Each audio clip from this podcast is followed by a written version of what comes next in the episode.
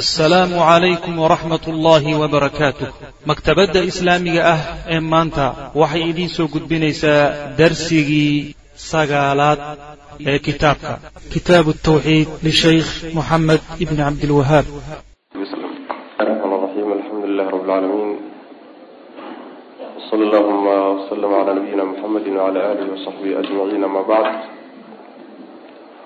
baabu ma jaa fi ruqa wtamaaim wuxuu baab u yahay wixii ku yimid ee ku soo arooray tufidda ama akrinta laysku akriyo wax oo laysku tufo iyo atamaa'im qardhaasaha labadaas wixii ku soo arooray ayaa baab uu yahay oo meesha lagaga hadlaya ruqa waa jamcu ruqya ruqyadana waxaa la yidhaahdaa in wax laysku akriyo oo laysku tufo. Saasaa laga wadaa.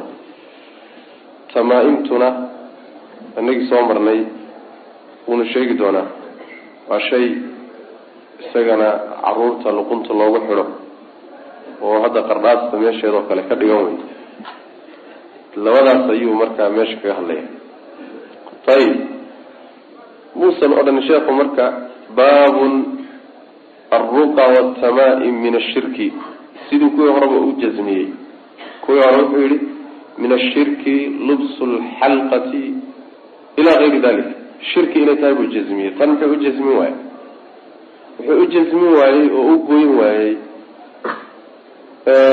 tufitaankuna xukunkiisa faahfaahin baa ku jirta in wax laysku akriyo laysku tufo kulligii ma wada banaana kulligiina lama wada diidanaa sidoo kaleta qardhaastana khilaaf baa ku jira. Oo qaar ka mida noocyadeeda qaar ka mida ayaa culimadii salafka iyo saxaabadu ay xukunkeeda isku khilaafsanaayeen. Mar haddii marka laysku khilaafsan yahay ama xukunku faahfaahin u baahan yahay muusan jasminin sheekh hadalka dambuu rabaa inuu marka ku kala qaad qaado iyadoo marka duuduuban buu saa u sheegay. Ayib baabu maa shay buyuu baab u yahay jaa yimid wixii nusuus ah ama aqwaashii ahlulcilmiga ku soo arooray fi ruqa in laysku akriyo laysku tufo iyo watamaaimi waxyaalaha qoorta lagu xidhiyo qardhaasaha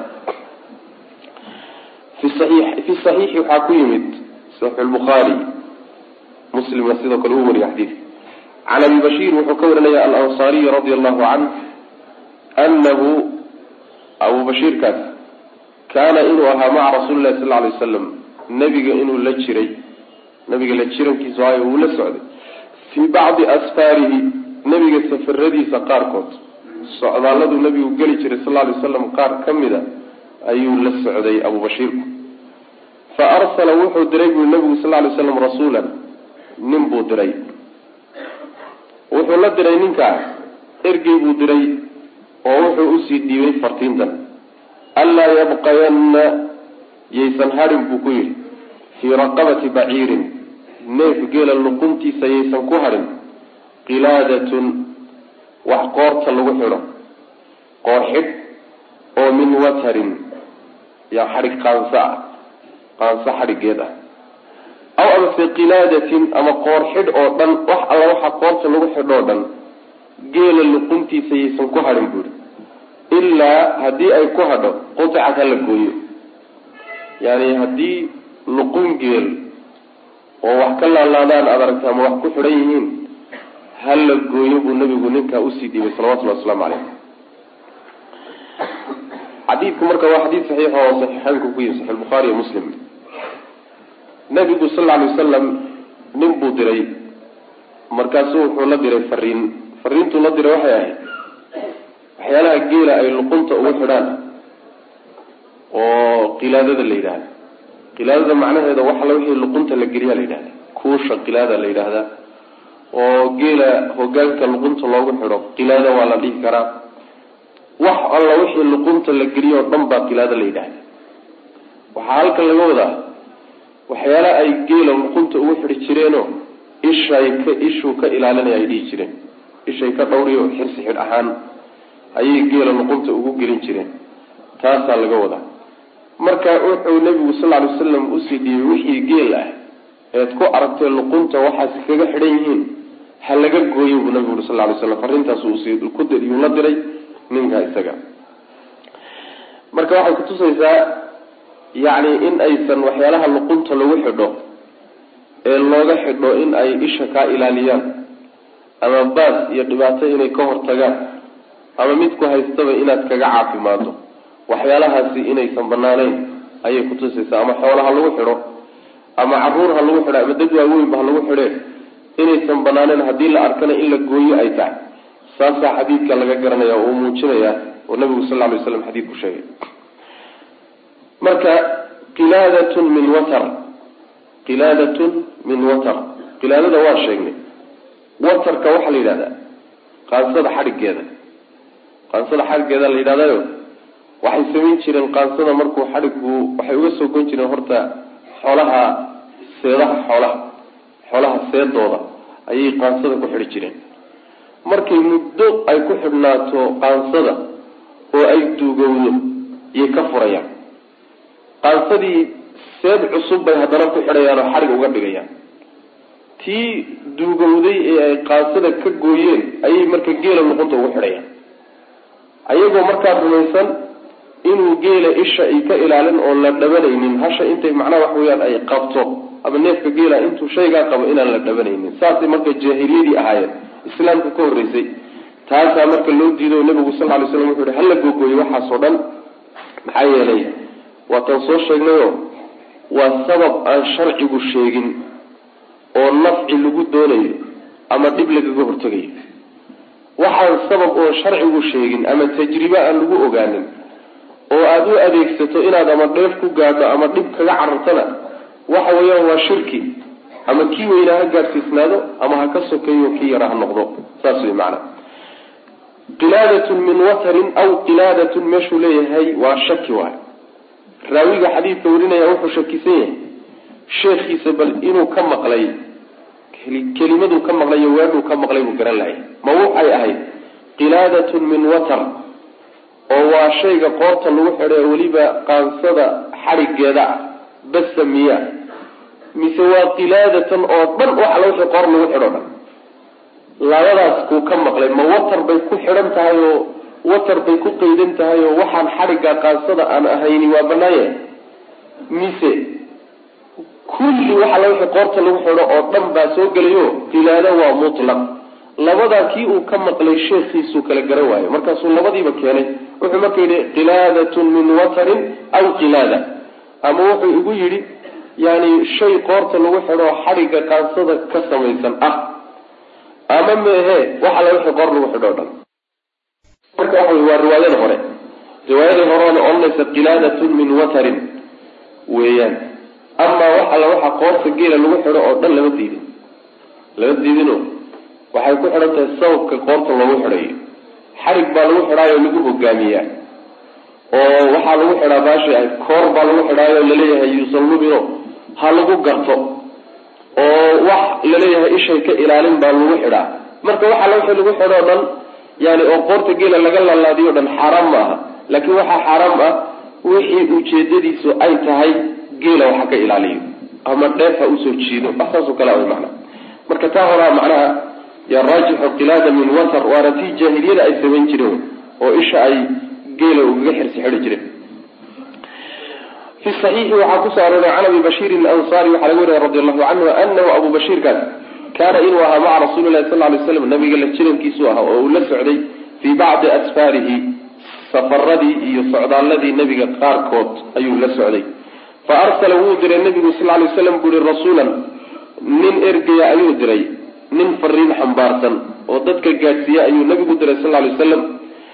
Ninkaa wuxuu la diray anlaa yabqayanna inaysan hadhin fii raqabati baciirin neef geela luquntiisa inaysan ku hadhin qilaadatun qoorxidh wax qoorta looga laalaadiyo oo min watarin qaanso xadhigeed ah aw amase qilaadatun ama wax alla wax qoor laga laalaadiyo o dhan. Ama xadhig qaanso ha noqdo ama keyrkiiba waxaan ahaynba ama keyrkiiba ha noqdo macna ilaa haddii ay ku hadho quticad waa la goyn. Hadday hadho oo lagu arko iyadoo ku sii hadhay oo ku sii tahay oo ka laalaadahay hala gooyo ayuu nabigu la faray salawatullahi wasalaamu caleyh can mascuudin radi allahu canhu cabdullahi bin mascuud waxaa laga warinaya maxlushaahidku xagee wey marka waxaa maxlushaahidku ay tahay anlaa yabqayana fii raqabati baciiri baciirin qilaadatun min watarin ilaa quticat baashaas isha layskaga ilaalinayo iyo qarbaastii isha layskaga ilaalinayay ama cudurka layskaga ilaalinayay ayaa marka isku mid ah waa qiyaas ta geela loo xidhay iyo ta carruurta loo xidhayo waa isku mataal macna ma kala gedisnaa can ibni mascuudin radi allahu canhu qaala wuxu uhi cabdullaahi samictu waxaan maqlay rasuula lahi sal ly sl nabigaan maqlo yaquulu leh ina aruqaa tufmada iyo wasamaaima qardhaasaha watawlata iyo madiidada. Shirkun waa gaalnimo. Shirki waay rawaha waxaa wariyay xadiidka axmed baa wariyey wa abu daawuud. Xadiidku sabab buu lahaa. Qisuu leey xaaskii uu cabdullahi bin mascuud qaboo la yidhaahdo zaynab ayaa maalin cabdullaahi oo ka maqan cabdullahi bin mascuud oo ka maqan waxaa u timid islaam duqa islaamtii duqda ahayd oo la joogto cabdullaahi marka guriga soo galay. Islaamtii marka way ka xijaabatay. Cabdullaahi marka zaynab buu u soo galay. Markuu taabtaga luqunteeda wuxuu ku arkay wax luqunta kaga xidhan khayd yaroo luqunta ugu xidhan buu arkay. Yani dun ama liilan wuxuu luqunta uga laalaanu arkay. Markaasuu waxan muxuu yahay waxay tidhi waa la iigu tufay yani ruux baa iigu tufayo ma aqaano malaha caafimaad iyo waxbay ku raadinaysa markaasuu cabdullaahi isagoo la tashanin intuu qabtay buu xoog uga gooyey intuu qabtay buu ka jaray. Markaasaa wuxuu yihi antum aalu cabdillaahi la agniyaau can shirki. Idinka reer cabdillaahi ah waa reerkiisii lexaaskiisi weye idinka reer cabdillaahi ah waad ka marataan shirki waxa la yidhaha maxaaba idin soo geliya guriga cabdillahi shirki soo geliyey intuu ka jaray. Markaasuu wuxuu yihi nabigaan maqlay sal lay slam isagoo odhanaya ina aruqa waltamaa'ima waltawlata shirkun xadiidkaasu sheegay marka. Yani nabigu nagaan maqlay yani tufmada iyo qardhaasaha iyo madiidada shirki weeyaan. Markaasaa waxay tihi oo ishaan hadda ka hor ka xanuunsaday. Markaasaa waxaan u tegi jirna bay tihi ninka hebel la yidhaahdo ee yahuudiga ah markuu isha ku tufana ishii dhaqdhaqaaqaysay la kari la-aa way xasiliyo markaba way degi jirtay. Marka waxa weye faa-idaanu ku qabnay seebay macnaha waxa weye shirki ku noqono maxaa lalagu diidi waay cabdullahi marka wuxuu yihi waa shaqo shaydaan weyaan bu waxaas. Shaqo shaydaan wey shaydaan baa markii horena isha rogrogahayay markii uu yahuudigan ku tufayna shaydaan ubaa dejiyey. Inuu dadka ku lumiyo unbuuna doonahayaaye yani waxa wey caafimaad meesha kuma jiro. Saasuu ku yihi cabdullahi saas waxaa kugu filan bu marka yidhi waxa iyo jaahiliyaadka iyo yahuud wax u raadso iyo igu tufiyo daad ka bacda waxaad tidhahdaa buuhi nabiga ducadii baryadii uu dadka ku tufi jiray. Idhib ilba'sa raba annaasi washfi anta shaafi laa shifaa ila shifauka shifaan laa yugaadiru saqaman. Ducadaas isku tuf buy ducadaasuu marka baray. Saa yeel sababkaasuu marka xadiidku leeyahay. Xadiidka marka ibnu maajah iyo ibnu xibaan iyo xaakim yaa wariyey waana xadiis saxiix. Ayib xadiidku marka wuxuu tilmaamayaa in tufmada iyo qardhaasaha iyo tawlada kulligood inay shirka yihiin. Waa la kala qaadi. Tufmada wax aan ilaahay qur'aankiisa ahayn ama ducooyinkii aan ahayn oo aan la garanaynin macnahoodana la garanaynin haddii laysku tufaayo waa shirki. Sida magacyaha jinka oo kale iyo wax noocaasoo kalean la garanaynin haddii laysku tufaayo shirki waayo laakiin haddii qur'aanka iyo ducooyinka soo arooray iyo baryadaa iyo laysku tufaayay ayadu waa mashruuc waanu soo marnay waana mari doonaa haddii ala yidhaha tufmada marka labada qaybood baa loo kala qaadaya waxa laysku akriya laysku tuf. Shayga laysku akriyayo yay ku xidhantay. Hadduu yahay qur'aan yahay ama duco yahayna waa bannaan tahay haddii kalena ma banaana waxyaalaha la xidho iyadana waa keeni doonaa. Waxyaalaha la xidho ee qoorta laga laalabto ama qardhaasde ama xirsidhe ama waxa doonta ku magacawe yani waxa wey iyadana uu keeni doonaa laba qaybood way isku khilaafsayen culimadii salafku way isku horta laba qaybood baa iyadana loo kala qaadaya. Waxaan qoorta laga laalaabsaday hadduu yahay qur'aan iyo ducooyin hadduu yahay. Culimadii salafku way isku khilaafeen wayna imaan doonta ma la xidhan karaa ma la isticmaali karaa ma banaanta mise ma banaanaa haddiise laakiin uusan ducooyinna ahayn magacyo jin waxyaalo kaloo la qorqoray uu yahay oo qoorta laysaga laalaadiyay waa shirki. Shirki weeyaan. Taasuu isaguna shirki ku noqonaya. Daasha la yidhahda iyada duuduubahaanba isku xaadqaade ayada macnaha waxa weeyaan kulligeed waa wada shirki waay tawladu waa madiidada daasha yidhahda macnaha ragga iyo haweenkaa la isku jeclaysiiyaa ama haweeneyda ayaa faashanayso. Waa nooc adigu sixirka ka mida taqriiban haweeneydaa waxay ka yaracsanaysaa inuu ninku qalbigiisu ka sii jeedo. Markaasay oranaysaa ninka halay jeclaysiiyo. Ama ma ahee ninkiiba haweeneydii diidan tahay oo in la jeclaysiiyuu rabaa waxbay marka u farsamaynahayaano waxbay u akriyahayaan oo qaabo badan bay sameeyaan. Mar ul iyo waxbay intay wax ugu akriyaan iyo odhanayaan taabsii tiibuu soo taabsiinaya marna waxay samaynayaan bahay balag yidhaahdaan yay intay xidhaan yay guriga ka laalaabi dhahay ninkii guriga ku wareegisa mar kaba bixi maayo. Inta badan waxaa sameeya oo loo sameeyaa haweenka lala qabo. Haweenka macnaha waxa weeyaan haween kale lala qabo. Ayaa inta badan loo sameeyaayo. Ninku si uu haweenaha kuwa kalena u naco iyadana ugu xidmo ayay inta badan u samaystaan macna. Waxyaalahaas haweeney loo sameeyeyna macnaha ii sheegto laguba guursaday oo ku ilmo gashay waxay macnaha waxa weeyaan nin gaaban oo ragga gaagaaban ku jira ayaa soo doonay. Marka meel qaantaan isugu nimid tiri taqriiban. Raggii markaan ka dhex arkay ayaa wuxuu ii muuqday bay tiri marka nin aada u gaaban ragga ninka uguba gaaban ah waa la siisiin waayo bay tiri markaa ma rabi habeenkii dambaa haddana dhaanta laysugu yimid ul isagoo wato buu meesha la yimid oo ushi ubuu taabsiiyey bay tiri ninkii ragga ugu gaabnaa ragga wuxuuba ka dheeriya hal bacdi wada wada sareeyaa si rasmi maana marka sidii buu sidii buu taqriiban ku guursaday wayna ugu ilmo dhashay marka wax sidaas oo kala waay waa nooc adiga sixirka ka mida wey maana madiida la yidhahda waa la yaqaana can mascuudin radi allahu canhu waxaa kaloo laga qaadanaya xadiidka qisadiisa hore laga fahmaya dadka qaarkii oo laga yaabo inay yidhahda waxyaalahaas waa lagu caafimaadaa. Ayaa jawaabba cabdullahi bin mascuud oo xaaskiisa siiyey. Yaa iyagana jawaab u ah. Shaydaanku markuu doonayo inuu ku lumiyo ku baadiyeeyo yani waxa weeyaan ilan tasaruf fara badan buu jidhkeena ku leeyahay. Waxyaalo kuugu soo hoosgaban waxaan waxba ka jirin buu kuu akrin waxaan caafimaad buu caafimaad kaaga dhigi.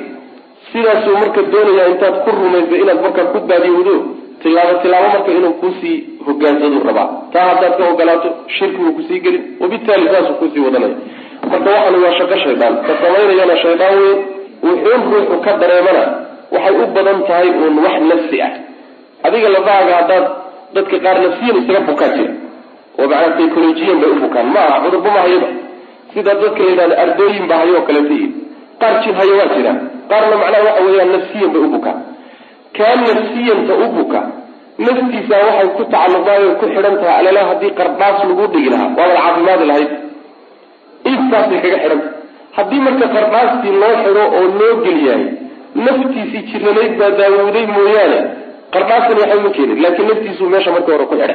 Wax saasoo kaleta isaga badantaa mooye iyo wax shaydaan wataay wax lagu caafimi ma aha. Wax caafimaad ka imaanaya ma uu ahaa. Maxaa yeele haddii caafimaad ka imaanayo sharcigaa inoo sheegi can mascuudin radi allahu canhu qaala wuxu uhi samictu waxaan maqlay rasuul sal ly sl nabigaan maqlay yaquulu leh ina aruqa tufmada. Iyo akrinta wax laysku akriyo oo laysku tufo. Waa haddaynan ahayn sharciga wuxuu ku soo aroray waxaan ahayn hadday tahay. Watamaaima iyo qardhaasaha watawlata iyo madiidadu shirkun waa gaalnimo shirki way kulligood rawaxa wariye xadiidkaasi axmed baa wariyey o abu daawuud ayaa wariyey. Attamaaim wuxuu inoo fasirayaa maxaa tamiimooyinka la yidhahda attamaa'imu tamiimooyinka shay-un shay wey oo yucallaqu la xidho cala alawlaadi carruurta loo xidhaa can ilcayni isha looga xidhaa si ayna ilmaha loo dabanin ayaa loogu xidhaa laakiin muxuu yahay xukunkeedu marka ma banaanya mise ma banaana? Laakin ida kaana haddii uu yahay almucallaqu ka la xidhay. Shaygan ruuxa loo xidhay hadduu yahay min alqur'aani qur'aanka hadduu ka mid yahay. Wax qur'aanka ka mida loogu meesha loogu qorayoo loo xidhay haddii waxa loo xidhay uu qur'aan yahay farakhasa waxaa ogolaaday fiihi dhexdiisa bacdu salaf.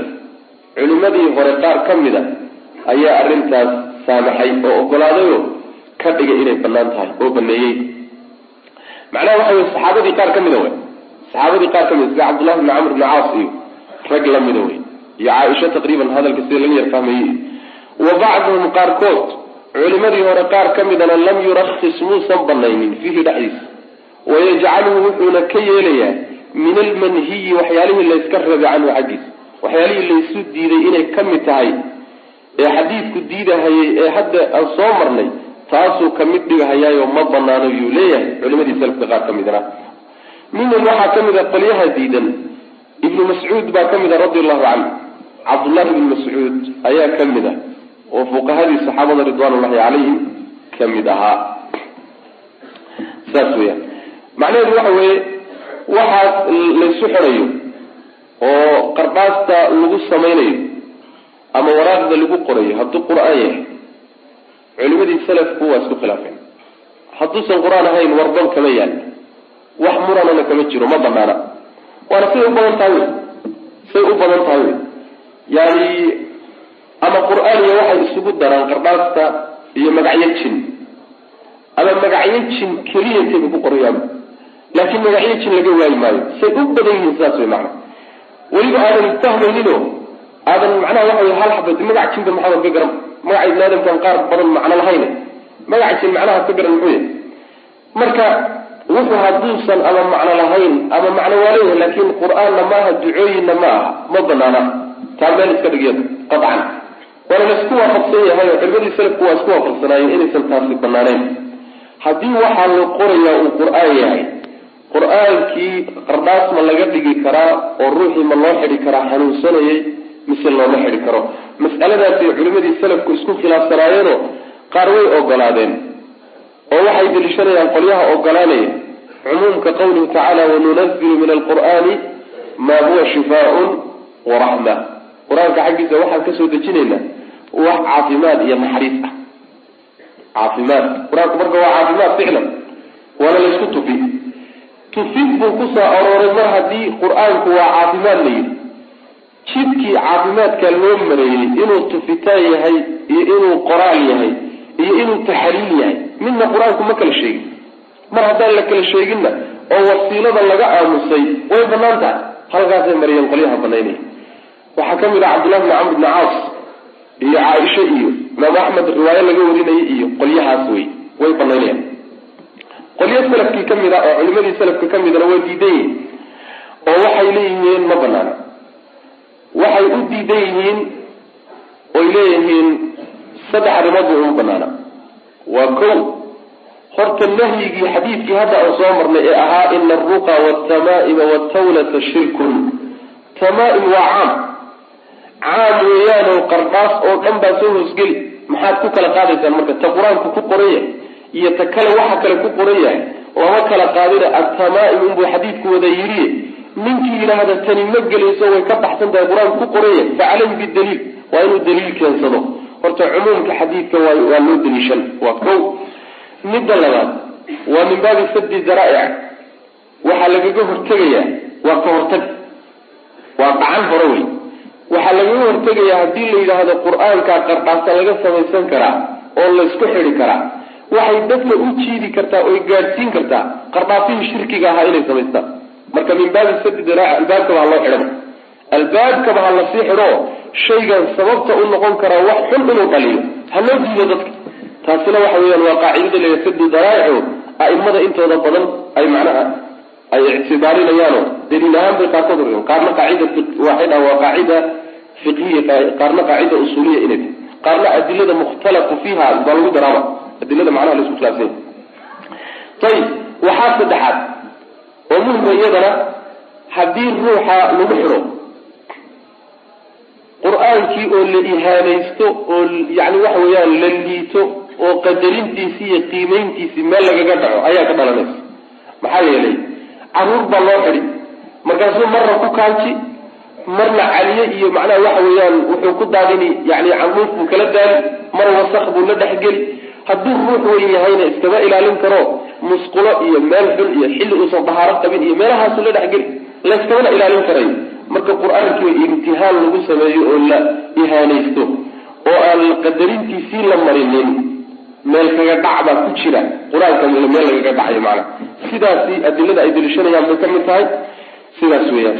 Marka yani waxaa kaleeto oo ku darayaa sheekh ibnu cuthaymiin waxaa laga yaabaa buu leeyahy oo ficlan waana mida taalla dadku haddii ay yani ay shay bidca la yimaadaan shay hadday la yimaadaan aan horay u jirin booska ay bidcada dhigeen sunno ku jirtay bay meesha ka saaraan. Caadatan basaasa dadkii bidca la yimaada sunno meeshaasi ku habboonayd ayay booska bid booska bidcada dhiga sunnadii bay ka saareenoo bidcaday booskeeda geliyaan. Sunnada waxa weeyaan in qur'aanka laysku tufo. Haddii la yidhaahdo qardhaasto ha la fasaxana qardhaastu waxay buuxini booskii tufidda tufidii baa meesha ka bixi. Haddana waa saas. Tufidii baa la liiday oo la yaraystay oo lagaba tegay qardhaastaa lagaga kalsooyay marka tii sunnada ahayd ee sharciga ku soo aroortay nebigu sameeyey salawatullhi wasalaamu caleyh ayaa la gacan bidixeeyey mid laysku haystana waxoogaa waxa weeyaan oo muran ka taagan yahay ma bannaan tahay mise ma banaanana waxa weeyaan kalsooni buuxdaa lagu qaba. Marka sunnadii oo laga tegayna iyadana meesha waa ku jirta sidaasaadna moodaa ina ixtiyaad ku jiro ixtiyaadka iyo dadaalku waxaad moodaa inuu ku jiro xataa ta qur'aanku ku qoran yahay in layska daayo tufidda la isticmaalo in qur'aanka laysku tufo. Dariiqadaasaa nabiga ka sugan salawatullhi wasalaamu caleyh saas weyaan ayib atamaa'imu qardhaasuhu shayun shay weeye oo yucallaqu la xidha cala lawlaadi carruurta la xidhaa loo xidhaayo cala lcayni insha loola xidhaa. Laakin ida kaana hadduu yahay almucallaqu shayga la xidhay ee ruuxa lagu xidhay min alqur'aani hadduu qur'aanka ka mid yahay farahasa bihi waxaa baneeyey bacdu salafi. Culimada salafka qaar ka mid a ogolaaday saxaabadii iyo taabiciintii qaar ka mid a ayaa arrinkaa ogolaaday. Wa bacduhum qaarkoodna lam yurakhis fiihi ma uusan ogolaaninoo wuu diiday wayajcaluhu wuxuuna ka dhigayaa qaarkaa diidayahay yajcaluhu qardhaastaa qur'aanku ku qoran yahay waxay ka dhigayaan min almanhiyi kii la diiday canhu xaggiisa kii layska reebay ee xadiidku diiday ayay kala mid dhigahayaanoo ku darayaan macnaha minhum waxaa ka mid a qolyaha diidan ibnu mascuud baa ka mid a radi allahu canhu cabdullahi bn mascuud ayaa ka mid ah waxaa ka mid a sidoo kale bni cabaas baa ka mid a xudayfaa ka mid a cuqbat bni caamir baa ka mid a rag badan oo taabiciintii ka mid a ayaa macnaha ku jiro oo ay u badan yihiin ardadii cabdullahi ibn cabdullahi bn mascuud. Yani waxa weye raggaasoo dhan ayaa diidan. In la yidhaahdo waa xaaraan marka oo ma banaana xataa hadduu qur'aan ku qoran yahay in la xidho. Waxoogaa sheekh ibnu cuthaymiin waa ka gaabsaday wuxuu yihi taxriiminteedu waa yaro adagta laakiin markay ugu yar tahay karaahiye wey in la iska daayo ayaa fiican diiniyan laakiin ma jazmin karo xaaraam wey ma dhihi karo. Saasuu isagu gaadhay. Laakiin markii adilada fadhiya waxaad moodaa inay raajix tahay in la iska daayo. Sidaa uu sheekuba tilmaamayo ama ixtiyaad badhaadu oo dadaal ahaan ruuxu diintiisa inuu macnaha ka dadaalo wixii dhib u geysanaya iyo wixii xumaan lagu sheegto inuu ka cararo ama dadaal ahaan bay macnaha raajix u tahay in laysaga daayo.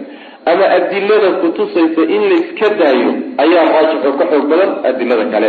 Saas wey marka haddii ta qur'aanku ku qoran yahay keliyata laysku xidhi lahaa waxbayba ahaan lahay weliba waxay leeyihiin qolyaha banaynaya laftoodu shardi waxay uga dhigayaan waa in uu qur'aankaas la qoray ee qardhaasta laga dhigtay waa inuu ilaashan oo xurmadii qur'aanka iyo ixtiraamkiisii aan meel lagaga dhicin taasina waa adagta aad bay u adagtay qardhaas la dhigay oo ama ilmo lagu xidhay ama ruuxba lagu xidhay ayaa qur'aanka ku yaalla la ilaalini. Waa mas'alo fog waay. Aada bay baciid u tahay marka warka gabagabadiisa la iska daayo waruqa tamaa-imtii garanay. Waruqa ruqyadu waxa weyaan iyaduna hiya iyadu allatii midda wey tusamaa lagu magacaabo alcazaaim cazaaim baa la yidhahda yani dadka hadda saa u yaqaan. Dadkiiba dadka waxay u yaqaanaan cazaaim waa jamcu caziima caziimadana waxaa la yidhahdaa bimacna alqiraa akrintaa la yidhahda laga wadaa macna in shay laysku akriyo laysku tufo taasaa la yidhahdaa buu leey macnaha caziimana waa la yidhahdaa ruqyana waa la yidhahda wakhasa minhu daliilku wakhasa minhu wuxuu ka soo reebay. Addaliilu daliilku wuxuu ka soo reebay oo uu baneeyey. Maa kalaa wixii ka maran min ashirki shirki wixii ka maran. Yani ilan xadiidku wuxuu camimay xadiidkan hadda aan soo marnay wuxuu isku wada xaab qaaday tufidoo dhan. Maxaa yeelay ina aruqaa asha ku jirta cumuum faa-iideynayso tufidoo dhan baa halkaa wada gashay daliil kale iyo adilo kalea marka waxay ka soo reebtay. Xaaraamnimadaa waxay ka soo saartay oo banaynaysaa tufidu hadday ayna shirki ku jirin oo waxyaala shirkiyaada ayna ku jirinoo ay tahay masalan ay qur'aan tahay ay ducooyin tahay tufidda noocaas oo kale a adilo ayaa kutusaysa rakhasa fihi waa wuu baneeyey daliilkaas. Rakhasa fihi wuu baneeyey rasul lah sal lay sl nabigu wuxuu baneeyey yani tufidii min alcayni isha in layskaga tufo walxumati iyo macnaha qaniyada ayuu baneeyey buu leeyay marka tufidda in ay bannaan tahay waa ijmaac sida uu leeyahay siyuuti adilo aad fara badan baana kutusaysa jalaaluddiin siyuuti laakiin wuxuu leeyahy saddex shardi bay ku banaantay saddex shardi shardiga koowaad waxa weeye waa in shayga laysku tufayo uu yahay ilaahay magac hadalkiisa oo qur'aanka magacyihiisa iyo tilmaamihiisa iyo ducooyinka nabiga ka soo arooray salawatullahi wasalaamu calayh ayib shardi waa kaas. Shardiga labaadi waxa weeye wuxuu leeyahay waa in uu yahay luqada carabiga. Wax macnihiisa la garanayana waa inuu yahay. Luqada carabiga ah waa inuu yahay buu leeyahay. Oo macnaha waxaa ka muuqata inaan luqo kaleeto la isku tufi karin saasuu jalaaluddiin suyuuti suyuuti leeyahay.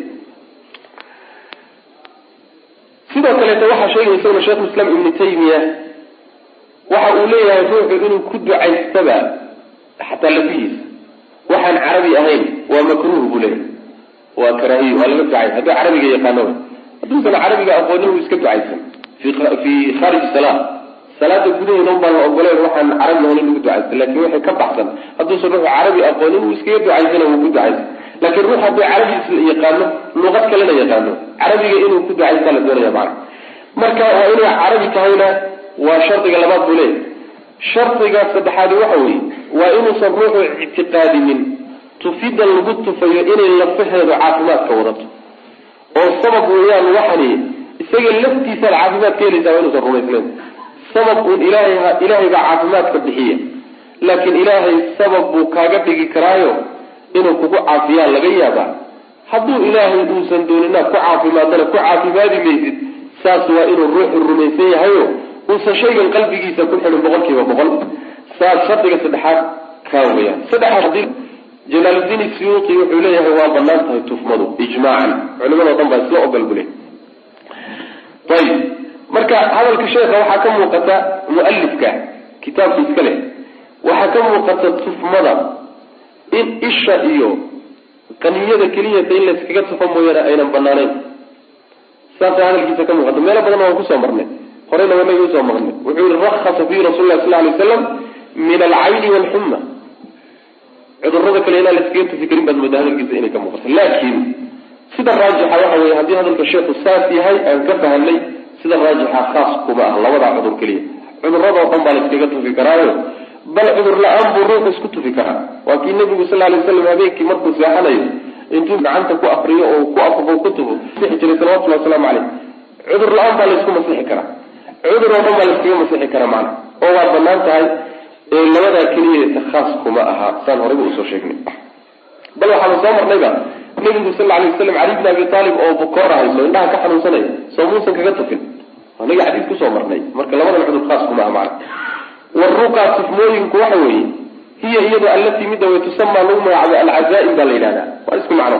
Wakasa oo xadiidku waa diiday masaasaa loo wada diiday xadiidku u wada diiday bay u wada diidantao ma banaana miyaa kulligeed mise qaar baa laga soo reebi may qaar baa laga soo reebi wakhasa wuxuu ka soo reebay minhu xaggiisa.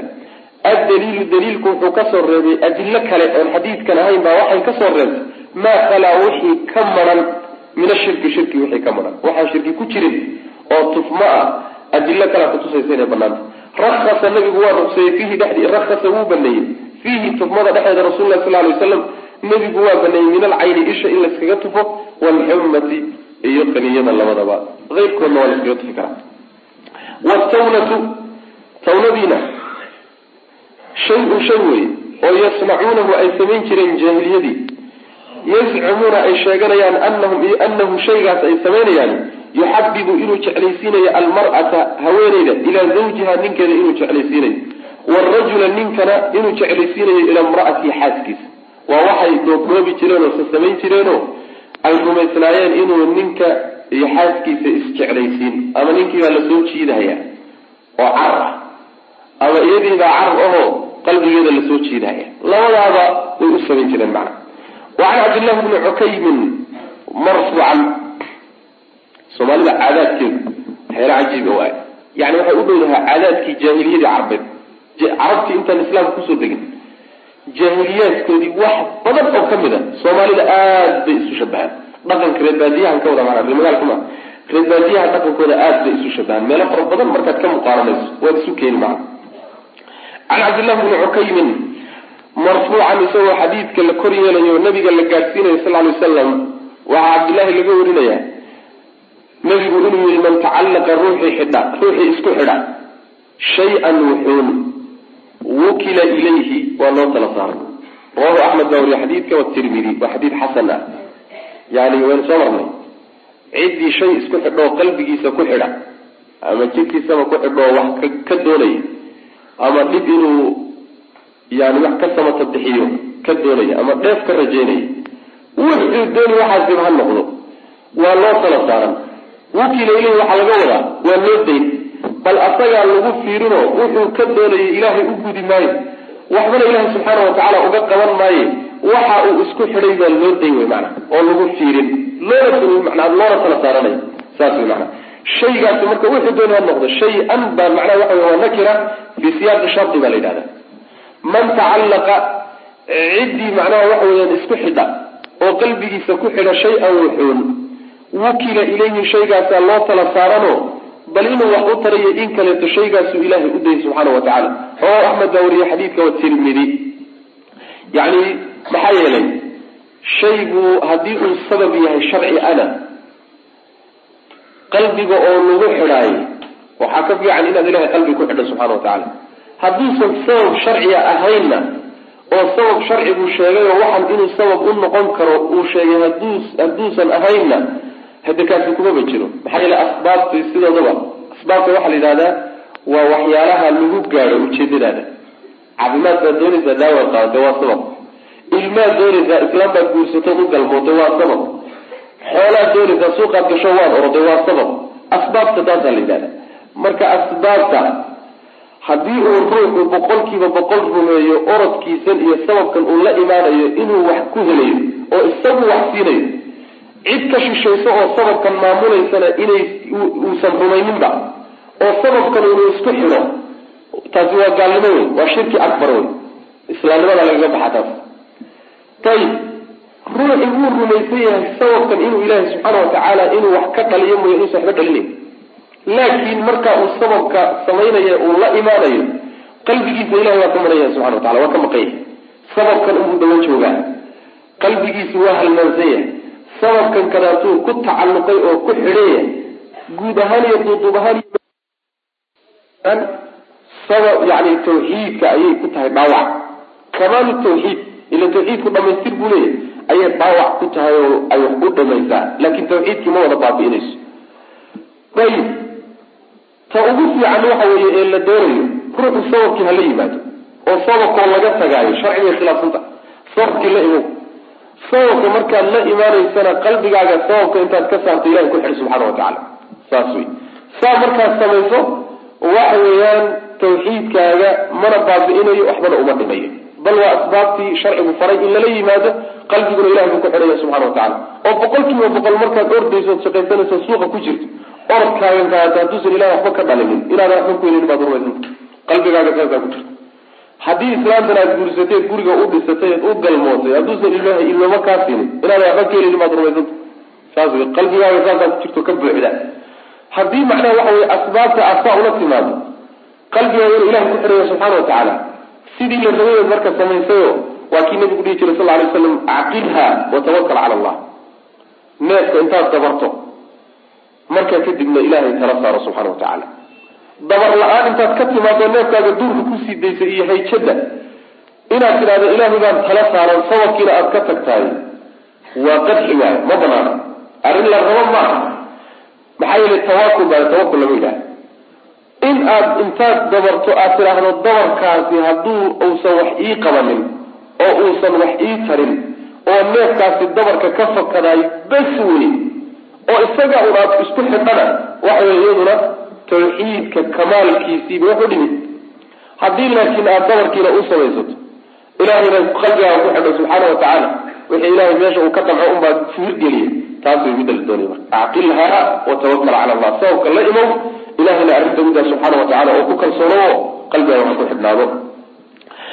Warawa axmed wuxuu wariyey axmed imaam axmed wuxuu wariyey can ruwayfic wuxuu ka wariyey qaala wuxuu yihi qaala lii rasuulu lahi sal lay slam nabigu wuxuu igu yidhi yaa ruwayficu ruwayficow lacalla waxaa laga yaabaa alxayaatu noloshu satatuulu inay kula dheeroon doonto bika adig waxaad mudan tahay oo laga yaabaa inay noloshu kula dheeraato. Ee fa akhbir innaasa dadka waxaad u sheegtaa ana man caqada ruuxii xidha lixyatahu garhkiisa ruuxii xidha aw amase taqallada ama qoor gashada ama xoolihiisa u qoorgeliya wataran xadhig qaanso aw amase istanja ama ku istinjooda birajiicin birajiici daabatin yacni xoolo saaladood. Aw cadmin ama laf ku istijaysta. Fa ina muxammadan nebi maxamed salawatullahi wasalaamu caleyh waxaad u sheegtaa beriiun minhu inuu beri ka yahay. Inuu nebi maxamed beri ka yahay uusan ku jirin jidkiisiina uusan haynin waxaana uusan la wadaagnin la waafaqsanayn gaadhsii buu ku yidhi nabigu salawatullahi wasalaamu caleyh xadiidka ruwayfic laba masalan waa xadiid saxiix. Waxa uu nabigu sal ly slam ku yihi ruwayfi wuxuu ku yihi ruwayficow waxaa laga yaabaa inaad nolosha kula dheeraato. Macnaha nolosha kula dheeraato waxaa laga yaabaa inaad muddo noolaato aadan dulba geeriyoonin oo ilaahay cimri dheer ku siiyo ayaa laga yaabaa. Ee dadka waxaad iga gaadhsiisaa bu nabigu sal lay slam oo dadka u sheegtaa arrimahan dhowrka ah midda koowaadi waxa weeye ninkii garhkiisa guntaa nebi maxamed salawatullahi wasalaamu aleyh beri buu ka yahay garhka guntaa wax hadda la sameeya maanu malinaya carabtu jaahiliyadoodii intaan islaamka aan ilaahay subxaana watacala u soo dejinin garhka way sii dayn jireen islaamku markuu yimidna arrintaa iyada a wuu booriyey in garhka aan la xirin oo la sii daayo sidaasna macnaha waxa wey sunada nabiga sal ly wasalam oo axaadiista nabigu aada ugu booriyey. Maxaa yeelay yahuud iyo nasaaro iyo gaala lagu khilaafaya arrinkaasi ku khilaafa buu nabigu uri sal lay slam garhka markay sii daayaan iyo marka garhka kor u xidhi jireen intay macnaha timaha laabaan yay kor u laali jireen. Ayib maxay uga dallaayeen markay garhka xidhayaan? Ujeedooyin dhowraba waa ka lahayen waxay u samayn jireen horta ninku markuu waxoogaa isla weynan iyo qab iyo kiil uu ku jiro garhkuu laaban jiray timaha garhka ayuu kor u laabi jiray. Taasi astaan bay u ahayd. Oo kibraanimiintaa samayn jireen waxaa kaleetoy u samayn jireen. Markuu garhku aada u quruxsan yahay oo ninku intuu sii daayo uu garhku si fiican gar isugu joogo uu yahay. Amaa lagu dabtaa oo il ili kugu dhacda daraaddeedna garhka way u laabi jireen garhka la macnaha tinta laabo si aan lagu dhabanin. Taan way u yeeli jireen. Arrimahaasoo dhan iyo wixii lamidaba ninkii garhka laabo oo timaha garhka kor u laabaayo nabi maxamed beri inuu ka yahay ha loo sheegay buu nabigu uri salawatullahi waslamu caleyh saas way macana yani in la sii daaya la rabaa waa sida hadda sameeyaan kuwan oo siika soo siik maahan ee timaha caabuda. Singa singa kuwa kuwan timaha caabuda hadda waad arkaysa macnaa waxa weeyaan timihii korona waa laalaabaya kuwan kadatana intuu xidhxidho garhka ayuu macnaha waxay kor u laabaya waxbay marinayaan marka jidhkaa lagu dhajinaya garh laalaado mabalhaba timo laalaada male qaabkaasoo kale wato macna waa laga yaabaa dad muslimiin oo yani iyaga iskaga iskaga dayanahaya oo samaynaya in la helo. Maxaa yeele muslimiintu maanta waxay iska noqdeen. Yani sidii arig goosan oo kale ariga goosankaa somaala weelku markuu ku dhex dhaco. Riba dhinac buu u fiijino. Riba dhinac bay u caran. Nin walba waxa weeyaan qoladii u tegey iyo qoladii dariska la ahaa unbuu dhaqanku ku soo arkay iyo mabaadiduu ku soo arkay unbuu wax kala imaani saas way maana na weliba khaasatan soomaalidana waa yara asturaan intii hadda ka horreysay. Laakiin boqolka mabda hadda laysula imaan doonayo boqolka dhaqan ee kala gedisan baa la. Yaabana marka yani garhka laabitaankiisa ma banaana saasuu nabigu sal lay slam dadka haloo sheegay.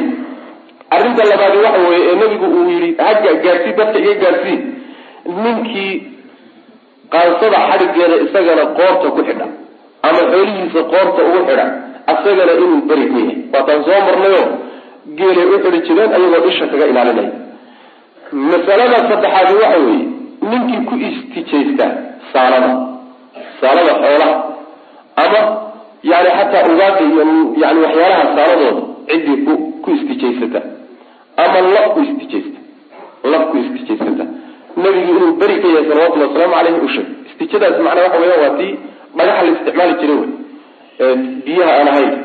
Marka waxaa loo diiday in saalada lagu istijaysto ama lafaha lagu istijaysto nabigu waa sheegay salawatullahi wasalaamu caleyh oo wuxuu ku sheegay lafuhu waxay cunto u yihiin walaaladiina jinka ah. Markaynu lafta intaa hilibka ka dhamaysana iska tuurno. Yani khalqi ilaahay bay cunto u yihiin oo dheef u yihiin. Marka ha ka wasakayne maxaad uga oo kaadida iyo saxarada isaga tiri. Taas waa mid. Saalada xooluhuna waxay iyadana cunto u tahay jinka xoolihiisa. Saas waa riwaayad. Calafkii wey waxay calfan lahaayeen. Ama ma ahee culimada qaar baa waxay leeyihiin waa nijaaso oo nijaaso daraaddeed baa loo diidan yahay in loogu istijaysto. Oo nabigu sal lla alay wasalam waa kii cabdullahi bin mascuud markuu yani waxa weeyaan isagoo kaajay uu yihi iikeen waxaan ku istijaysto. Wuxuu u keenay laba dhagax iyo hal saala ah saaladii intuu tuuro labadii dhagax ku istijaystay buu dhagax kale ii raadi saasuu nabigu ku yuri salawatullahi waslamu caleyh marka ma banaana intaasoo dhan marka inay sharciga nabiga khilaafsan tahay salawatullahi wasalaamu caleyh dadka ha loo sheego buu nabigu yuri sal lla alay waslam ha la gaarsiiyo. Warawa axmed maxalushaahidka xadiidkeenu marka waxa weeye aw taqallada wataran man caqada lixyatahu aw taqallada wataran. Labada arrimoodba ama dhib baa lagaga magangelaya ama dheef baa lagu raadsanaya saas wey maanaa il iyo waxbaa laiskaga ilaalinaya ma banaan marka warawa axmed wuxuu axmed wariyey can ruwayfic qaala wuxui qaala li rasul lah sal sl nabigu wuxuu igu yidhi yaa ruwayficu ruwayficow lacalla waxaa laga yaabaa aad mudanta alxayaatu noloshaysa tatuulu inay kula dheeraan doonto bika adiga. Inay inaad noolaan doonto.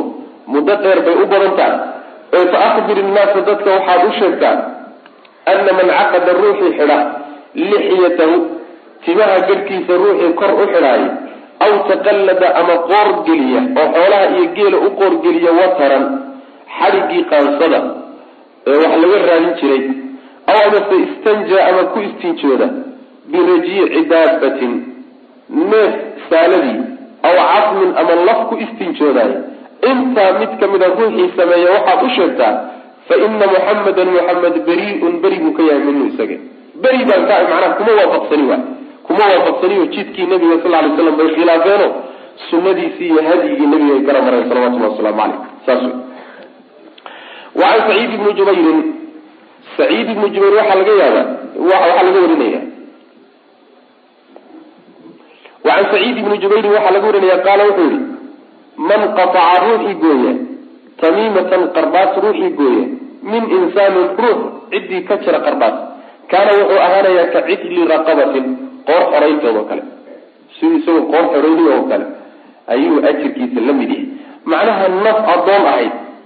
Intaad soo iibisood xoolo badan ka bixisa inaad addoonnimadii ka saarto iyo waxaa isku mid ah ilmo qarbaas qaba intaad qarbaastii ka goyso inaad ka tuurto.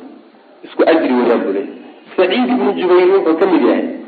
Cabdullahi ibni cabbaas ardadiisi buu ka mid yahay. Cabdullahi ibni cabbaasna waxaan soo sheegnay inuu qabay inaysan banaaneyn qarbaastu inaysan banaaneyn soo maa marka ardadiisii waay. Bal waa raggii ardadiisi raggii ugu cilmi badnaa wey maana waa ninkii uu dili jiray xajaaj ibnu yuusuf kadibna galaaftay markuu dilay ayuu habaaray. Oo yihi ilaahu ruux dambe oo muslim ah sabab xajaaj ha uga dhigin. Xajaaj dhowr beri buu noolaa. Shimbirtii dulduul badan mar bay adligaa ku dhacdaa somaala tiraahda saciid ibnu jubayrin baa ninkaas macnaha waxa way sahayday oo ilaahi subxaana watacala uu ducadiisa u aqbalay marka nin aada qiimo badan wuxuu ka mid ahaa taabiciintii buu ahaa. Wuxuu yihi marka ninkii gooya tamiimo waxaa la leeyahay marka xadiidkani xadiidkani yani ra'yi saciid ibnu jubayr ra'yigiisa kama soo geli karo. Shay ijtihaad lagu odhan kara maaha maxaa yeele ajri maxduuda lagu sheegaya. Ajri maxduuda haddii xadiidka ay ku soo aroortana saxaabaduna ma odhan karaan iskama odhan karaan taabiciintuna iskama odhan karaan. Ayib haddii la yidhahdo marka xadiidkani kama soo guli karo ijtihaadkiisa waa taabici iyo saxaabi ma ah taabicigu hadduu marka yidhaahdo wax saas oo kale waa mursal. Waa xadiid mursal a la dhihi karaayo. Min anwaac axaadiista daciifka noocyada kamida wey maana sida loo badan yahay xadiidka mursalka waa daciif. Can saciid ibni jubayrin qaala wuxuu yihi man qataca ruuxii gooya tamiimatan waxay iska yimid yihiin baa la leeyahay oo laisugu shabahaya. Ruuxa markaad qarbaad ka goysaayo yani sidii adiga oo qoortiisa naar ka xoreeyo kala ka dhiganta oo maxaa yeele waxankaadaasa uu qabe ee shirkiyaadku ku yaalla ee gaalnimada qalbigiisu ku xiran yahay. Waxaa laga yaabaa hadduu ku geeriyoodo inay naar ugu sabab noqoto.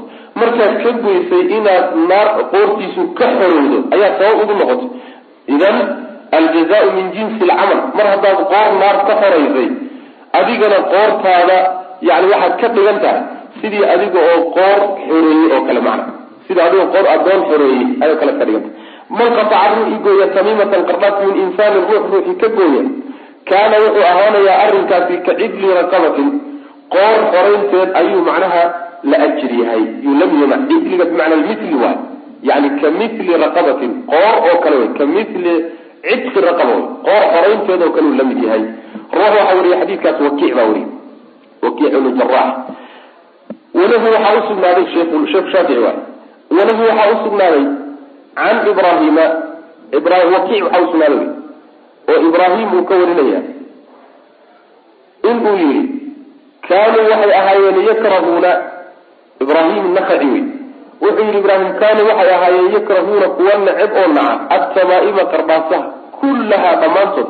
Min alqur'aani ama qur'aan ha ka ahaaday wagayri lqur'aani iyo qur'aanka qayrkiiba.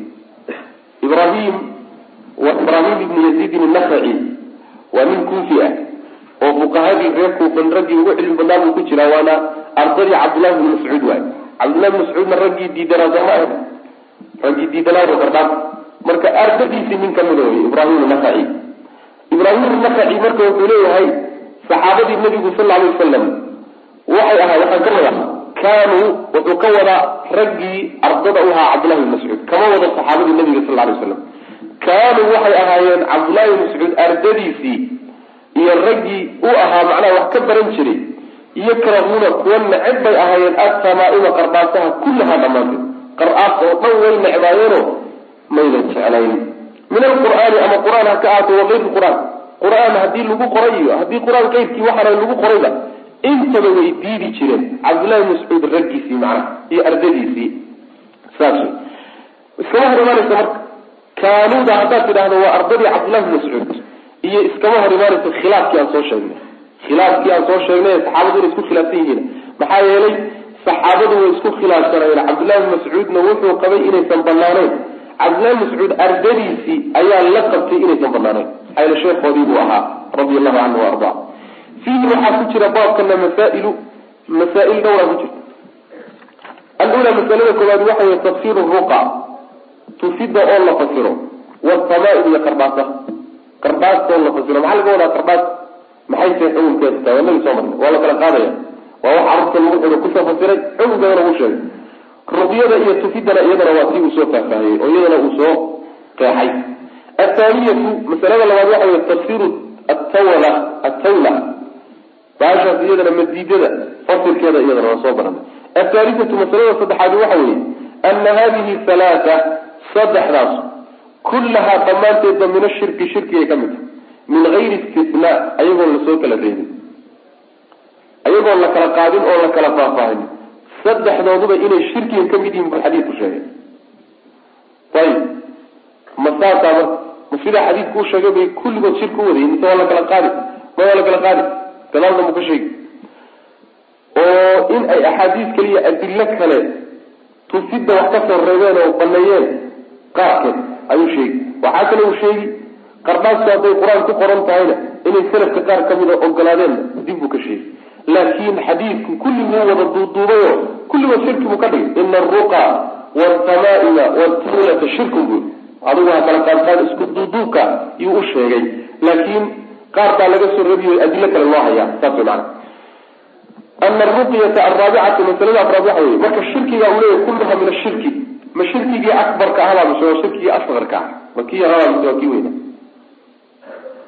Aye wax badan baynu soo sheegnay a asqarki a sax wey labadaba inay noqotaa laga yaaba ruux haddii uu boqol kiiba boqol qalbigiisa ku xidhana oo uu rumaysan yahay iyadu inay wax tari wax ka sarreeyana uusan jirin oo iyadaa uu wax laga helin lafaheedana waa shirkigii weynaa wey haddii uu rumaysan yahay inay uu wasiilo iyo sabab uun tahayna waa shirkigii yaraa wey maxaa yeele sabab sharcigu kama dhigin.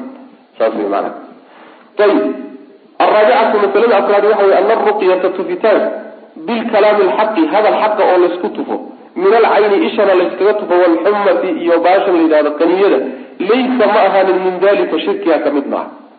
Haddii tufiddu ay tahay qaniyo iyo in layskaga tufayo waxa laysku tufayana uu hadal xaqa yahay qur'aanka iyo ducooyina ayadu kuma jirto shirkigaasoo waa laga soo reebayaa saasuu leeya waa inagii iyadana soo tacliiqino waxaa nidhi dabawadka uu sheekh ku dabawado tufidda isha iyo iyo qaniyada keliyata saas ma aha.